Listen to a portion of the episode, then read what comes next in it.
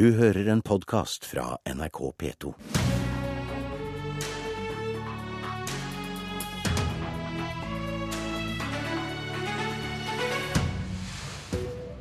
Hva må skje i Nydalen denne veka for at vi skal huske dette prosjektet som borgerlig samarbeid, og ikke som borgerlig kaos? Og apropos kaos. Sykehusstriden i Kristiansund har ødelagt totalt for Høyre. Nå er lokalpartiet i ferd med å rakne. Velkommen til Politisk kvarter mandag. Denne veka skal du få høre mye om Nydalen i den politiske journalistikken. Nydalen i Oslo er staden de fire samarbeidspartiene samla seg etter valget for å snekre sammen samarbeidsavtalen. Etter mye bråk de siste ukene møtes de fire partilederne med sine delegasjoner igjen i Nydalen for å snakke ut. Dette skjer i morgen. Politisk kommentator i NRK Lars Nehru Sand, hva kan komme ut av dette? I beste fall at man får uh, lufta ut den frustrasjonen som har bygd seg opp siden uh, statsbudsjettet ble lagt frem via asylsaken og, uh, og frem til siste tids bråk rundt Per Sandberg og i etterkant av, av hans utspill. Så det man må håpe på, er jo at de fire finner frem til nye måter å samarbeide på i det daglige, både på Stortinget og mellom statsråder og, og de fire partiene. Men også at man man igjen finner sammen den felles forståelsen og begrunnelsen for hvorfor disse eh, har makten sammen, og hva de ønsker å gjøre med den. Filip Rygg, du er tidligere KrF-byråd i Bergen, nå eh, partimedlem uten verv og kommunikasjonssjef i tankesmia Skaperkraft. Nå er det vel eh, i KrF at uroa har vært aller størst helt i det siste, etter de verbale stormkastene mellom partiet og FrPs nestleder Sandberg. Hva slags synlige endringer må komme ut av eh, Nydalen-samlinga for at KrF skal forplikte seg eh, entusiastisk videre? Ja, altså det handler jo selvfølgelig ikke om uh, Per Sandberg først og fremst. Jeg tror alle partilederne i Nydalen i morgen uh, syns at prosjektet uh, og politikken er viktigere enn Per Sandberg. Men for KrF, hvis du ser på partiet ute i de ulike fylkeslagene, så er det nok asylsaken som smerter KrF-hjertet aller mest. Eh, så kan nok også stortingsgruppen peke på budsjettet hvor det var mange omkamper, og man kan peke på enkelte innretninger av uføretrygd versus skattelette osv. Men, men asyl er nok det som aller mest smerter eh, KrF-hjertet ute i fylkeslagene. Og det er også grunnen til at det kom mistillitsforslag på enkelte fylkesårsmøter. Bør det skje politiske endringer på de områdene, og særlig det området, da?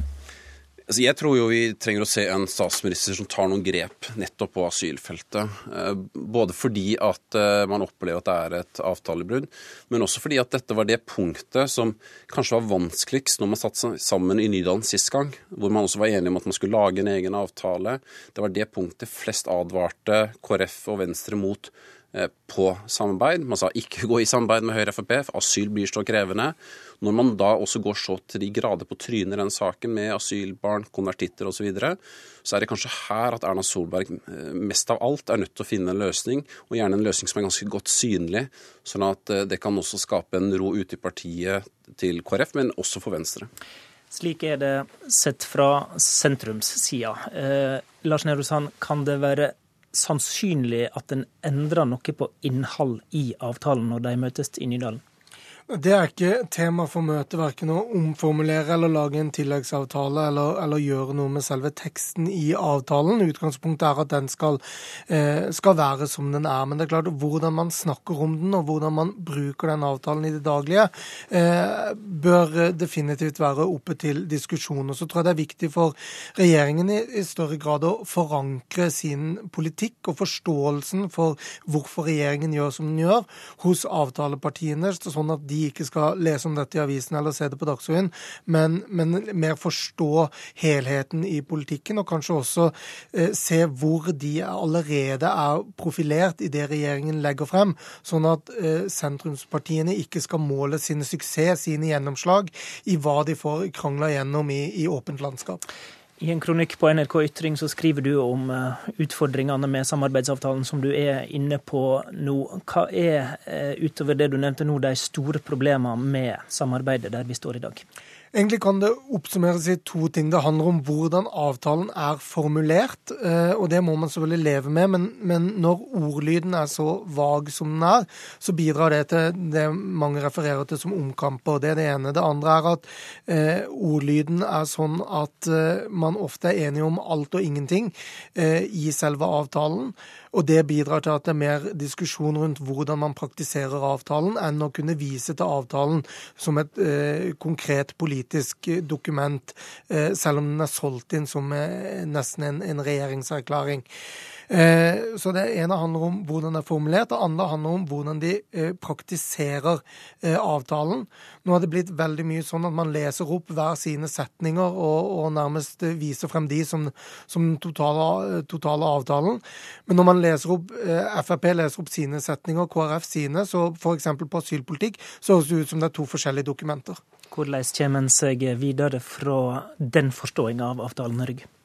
Altså, jeg tror dette er veldig vesentlig, og Nydalen bør på mange måter eh, være et uh, slags samlivskurs eller et eller annet. En uh, samling hvor man finner tilbake gløden. Jeg er redd det fort kan bli en samling hvor man bare skal organisere en splittet familie, hvor man blir enige om hvordan man løser hverdagen. Men, men, det er klart at spesielt på asyl så er det ulike punkter som treffer kanskje partiene bedre enn andre. Eh, men du får et veldig stort problem hvis en av partene opplever at man så til de grader ignorerer et av punktene. Det er lettere å svelge det andre punktet hvis man opplever at hele avtalen holdes. Kunne dette vært en samling der de faktisk snakka om å utvide prosjektet til å bli ei flerpartiregjering på sikt? Altså, det var jo noe av tanken tidligere. Eh, og Hvis vi går tilbake halvannet år, så var det en begeistring hos alle partiene. Selv om man kanskje ikke fikk sin eh, nummer én-løsning, så var det en begeistring hos alle partiene. Og Man snakket også om at man kanskje skulle utvide regjeringen etter kommunevalget i 17.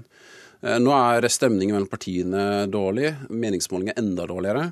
Så det er uaktuelt? Ja, Jeg tror ikke det blir mye snakk om det. Men, men det er klart at det å finne litt tilbake sammen fordi at statsminister Erna Solberg har jo en ønske om å også sitte etter 2017. Og du kan ikke sitte etter 2017 uten fire partier. Det er det ingen grunn til å tro.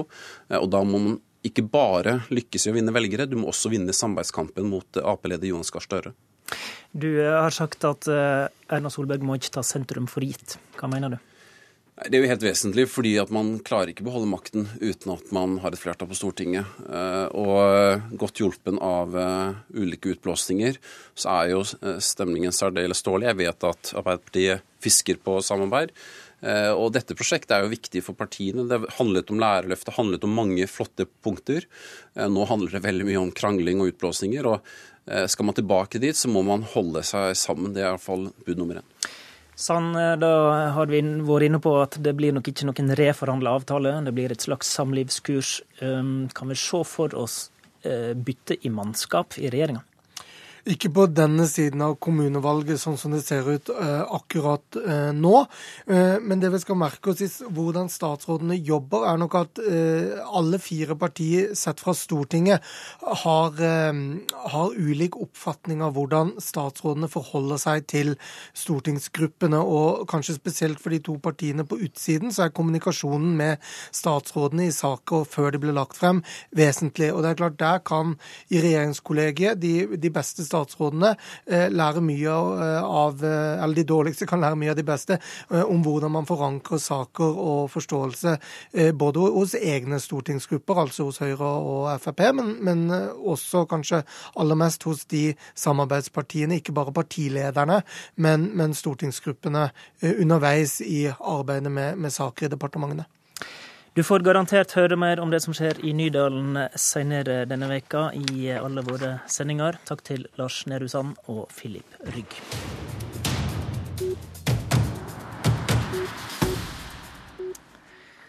I Kristiansund ser Høyre ut til å rakne etter sykehusbråket i byen. Tre av de mest sentrale har forlatt skuta. Det gjelder lokallagslederen og kandidatene til verva som ordfører og varaordfører. Vidar Solien, du er da eks-ordførerkandidat for Høyre i Kristiansund. God morgen. God morgen. Hvorfor bestemte du deg rett før helga for å forlate Høyre? Det har jo vært en eh, prosess i sykehussaken som vi har vært eh, sterkt uenig i. Og det toppa seg i eh, sist uke, når vi hadde møte med bl.a. generalsekretær i Høyre, som ønsker at vi legger sykehus saken død, slik at vi kan få støtte i andre saker. Men uansett hva en skulle mene om den mye omtalte prosessen som enda med at Kristiansund tapte sykehuskampen, er det egentlig Høyre sin feil, det som har skjedd? Til en viss grad så er det det. Nå vil jeg jo si at det er jo ingen parti sentralt som støtter saken. Til og med Arbeiderpartiet ligger jo helt stille nå. Og det dreier seg om at de kanskje er fornøyd med at det skal være ett sykehus i regionen, og ønsker at noen andre tar støyten. Men hovedproblemet, forskjellen mellom Høyre sentralt og Arbeiderpartiet sentralt, har vært vesentlig. Og det har vært Høyre sin aktive rolle og legitimert en skitten og uredelig prosess. Eh, lokalpartiet ditt og, og, du da mener altså da at sentrale Høyre prøver å kneble det lokale partiet. Hva, hva er det konkret som gjør at dere opplever det slik, da? Et lokallag må jo naturlig nok ha støtte sentralt for viktige saker, for å utrydde politikk og, og, få gode resultat lokalt. Når vi får beskjed om at det fordres at vi legger ned sykehusdebatten for å oppnå god dialog og støtte, ja, da har vi et problem som i hvert fall ikke er for min del og noen andre kandidater ikke kan gå god for. Det er da Høyres generalsekretær eh, Lars Arne Ryssdal som har håndtert saka for partiet sentralt. Han eh, kunne ikke møte deg direkte i Politisk kvarter pga. reise, men vi snakka med han i går kveld. Og han avviser blankt påstanden om at eh, partiet sentralt på noen måte har prøvd å kneble lokalpartiet i Kristiansund. Nei, dette er en total misforståelse. og Jeg tror også den som har bakt den versjonen videre, hadde jo en annen oppfatning da, eh, da han først snakket med, med pressen, lokallagslederen. Eh, det vi har sagt, er at eh, det vil være viktig og bra for Kristiansund Høyre og for hele byen at, at en kommer videre og, og også jobber med, med, andre saker. og Det var veien videre som var tema for debatten den, den dagen. Høyre er ikke et parti hvor generalsekretæren har har myndighet til å bestemme noe over utfallet av politiske saker, sånn at det faller sånn sett på sin egen uh, urimelighet. Nå kommer da uh, utmeldinger fra tre veldig sentrale folk uh, etter et møte mellom sentralpartiet og lokalpartiet, der da bl.a. du var. Hva var målet ditt med det møtet, da? Jeg tror det er litt tilfeldig at det kommer etter mitt møte, men det har kanskje gitt gitt en anledning til å summere opp og, og, og ta den uh, konklusjonen. Uh, mitt mål var jo også ut fra det som, som var korrespondert om, at nå var tiden inne for å sette seg ned og diskutere veien videre. Men vi er jo fullt klar over at i Kristiansund så er det et veldig stort engasjement både politisk og følelsesmessig i forbindelse med sykehussaken. Sånn at det er jo et, eh, et, eh, en vanskelig, eh, vanskelig, jobb å stå i å være tillitsvalgt for, for, Høyre der oppe, og samtidig være på, på lag med resten av lokalbefolkningen. Det sa altså generalsekretær i Høyre eh, Lars Arne Ryssdal. Eh, Vidar Solli eh, i Kristiansund. Ryssdal ønsker altså at dere skulle se framover. Hvorfor er det mer fornuftig å, å forlate skuta sånn som, sånn som du og flere nå har gjort? Vi, vi, har helt klart forskjellig oppfatning om hva som skjedde i møtet. Det ble jo til og med presisert etter Ryssdal gikk òg, fra, fra, fylkessekretær, hvilken dato har dere tenkt å legge ned saken, sånn at vi kan hjelpe dere. Det har vært diskutert flere ganger i det møtet. Men nok om det. Hovedproblemet er jo saken og Høyre sentralt sin måte å håndtere det på. Det har vært satt i et system med å skifte ut personer i helseforetakene for å få det riktige valget. Så Høyre har nok vært eh, delaktig og har hatt en agenda om sykehusplassering fra starten av. Men jeg lurer på hva slags signal vil du sende med, sende med å forlate Høyre? Det er et tydelig signal eh, til sentralt at den måten å agere på, den eh, finner vi oss ikke i. Vi ønsker å få den saken, sykehussaken på banen igjen. Det er mye viktigere enn å bli trua på plass i den saken for at vi skal få støtte i andre. Det er ikke noe interessant. Nå er det mange sentrale borte. Kommer Høyre i Kristiansund til å overleve og stille til valg nå i 2015? Ja, det håper jeg absolutt. Det er flere som, som fortsetter. Og, og, de har en vanskelig jobb foran seg, men det er tøffe politikere som sier fra. De står på det de mener, så det tror jeg skal gå bra. Men det blir uten deg. Takk til Vidar Solli, eksordførerkandidat i Kristiansund. Politisk kvarter i dag var ved Håvard Grønli. Du har hørt en podkast fra NRK P2.